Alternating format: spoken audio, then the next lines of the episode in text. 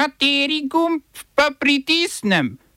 Tisti, na katerem piše OF. Azerbajžan razglasil zmago po spopadih v Gorskem Karabahu. Odstopila odgovorna urednica informativnega programa televizije Slovenija Jadranka Rebrnik. V izraelski raciji Dženina ubiti štirje palestinci. V kulturnem obzorniku skriti prizori vsakdanjega življenja v Španiji.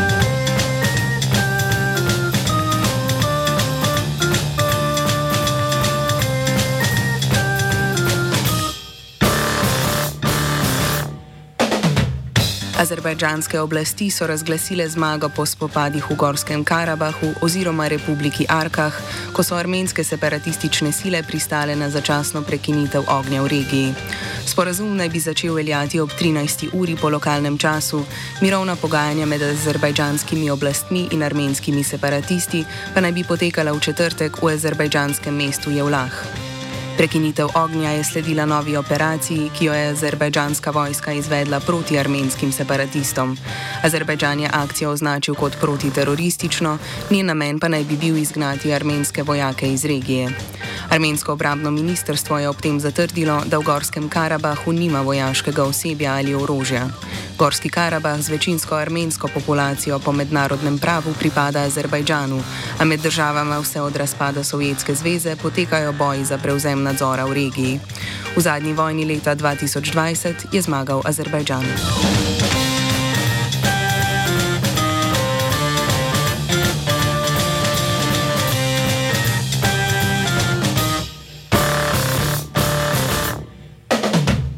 Izraelske sile nadaljujejo z izvajanjem nasilja na okupiranem Zahodnem bregu.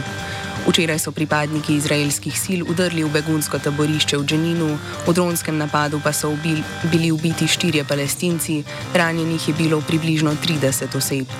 Danes so sile udrle tudi v begunsko taborišče Akabat Jabr v Jerihu.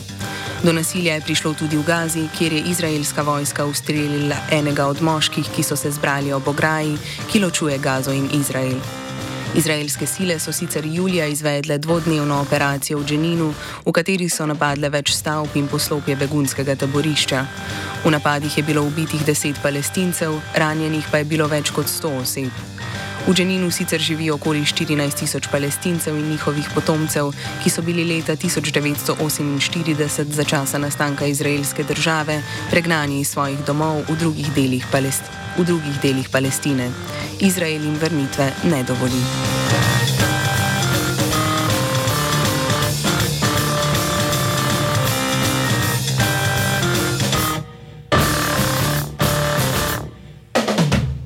Iranski parlament je potrdil predlog zakona o podpori kulturi hijaba in čistosti. Zakon za poskusno obdobje treh let uvaja ostrejše kazni za ženske, ki kršijo pravila oblačenja oziroma nošenja na glavnih rud. V primeru večkratne kršitve islamskega kodeksa oblačenja, ki v državi velja od leta 1979, ženskam grozi globa, v skrajnih primerjih pa do 15 let zaporne kazni in plačilo globe v višini 5000 evrov.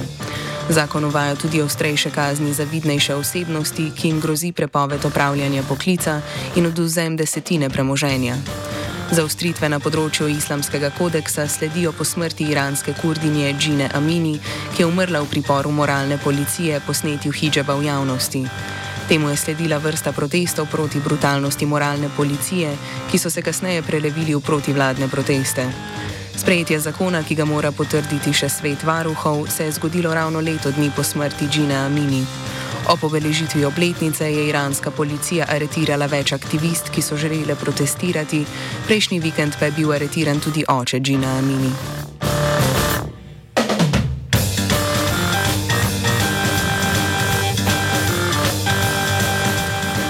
Španska vlada je po razpravi na zasedanju ministrov Evropske unije za evropske zadeve predlagala postopno uvedbo španskih regionalnih jezikov, katalonščine, baskovščine in galiciščine kot uradnih jezikov Evropske unije.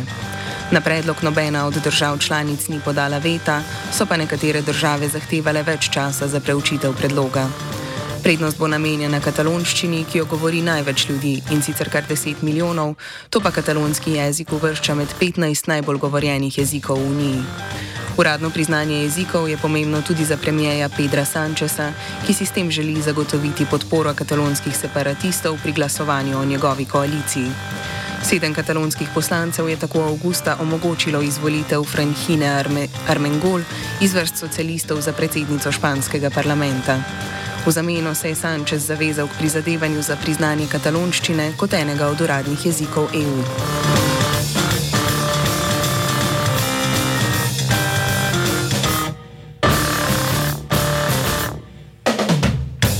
Španski poslanci so lahko na včerajšnji seji v nagovorih prvič uporabili katalonščino, baskovščino in galiciščino. To je sprožilo napetosti med člani parlamenta, poslanci iz desne stranke Vox pa so med nagovorom enega od poslancev, ki je potekal v galiciščini, zapustili dvorano.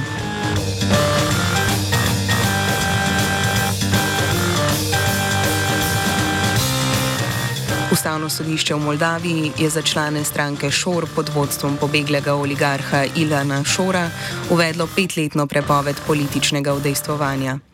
Do odločitve sodišča je prišlo potem, ko je to zavrnilo pritožbo članov stranke zoper razglasitev stranke kot neustavne.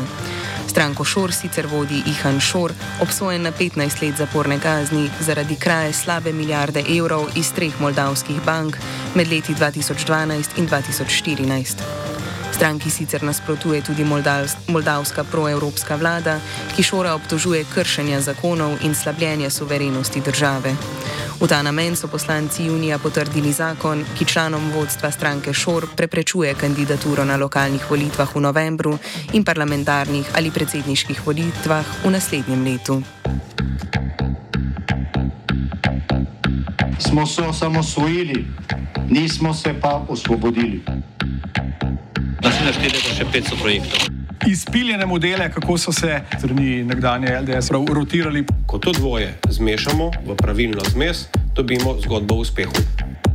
Takemu političnemu razvoju se reče udar. Jaz to vem, da je nezakonito, ampak kaj nam pa ostane? Brutalni obračun s politično korupcijo.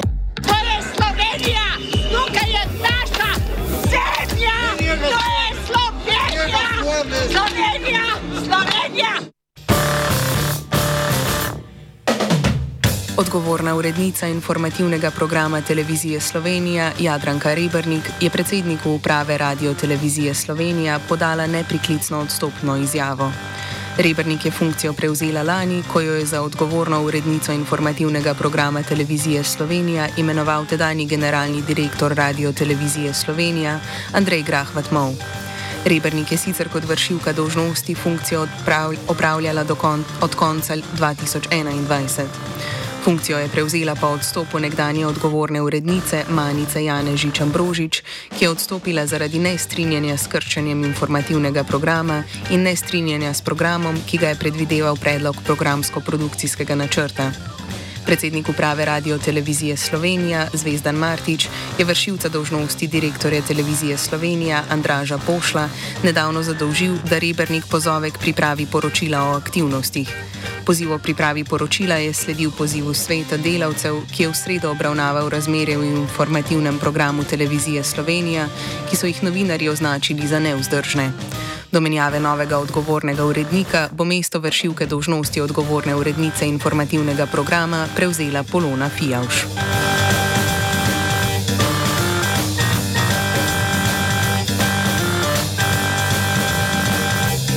Komisija za preprečevanje korupcije, krajše KPK, je sporočila, da je poslanec Slovenske demokratske stranke Daniel Krivec vrsto let zasedal nezdružljivi funkciji.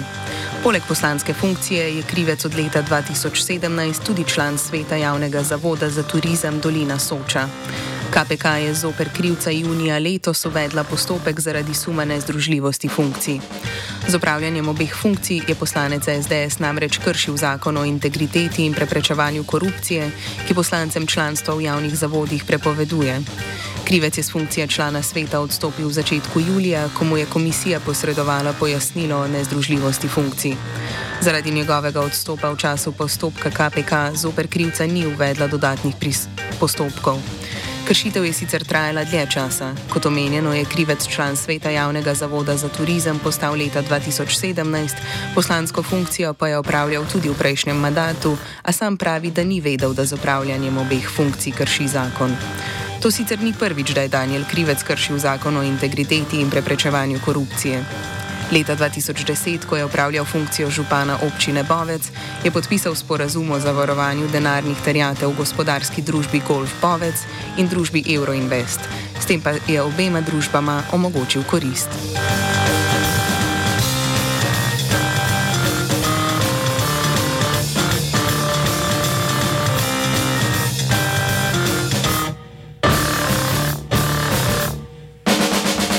Poslanci bodo na današnji redni seji obravnavali spremembe zakona o zaščiti živali in zakon o Kmetijsko-gozdarski zbornici Slovenije, krajše KGZS.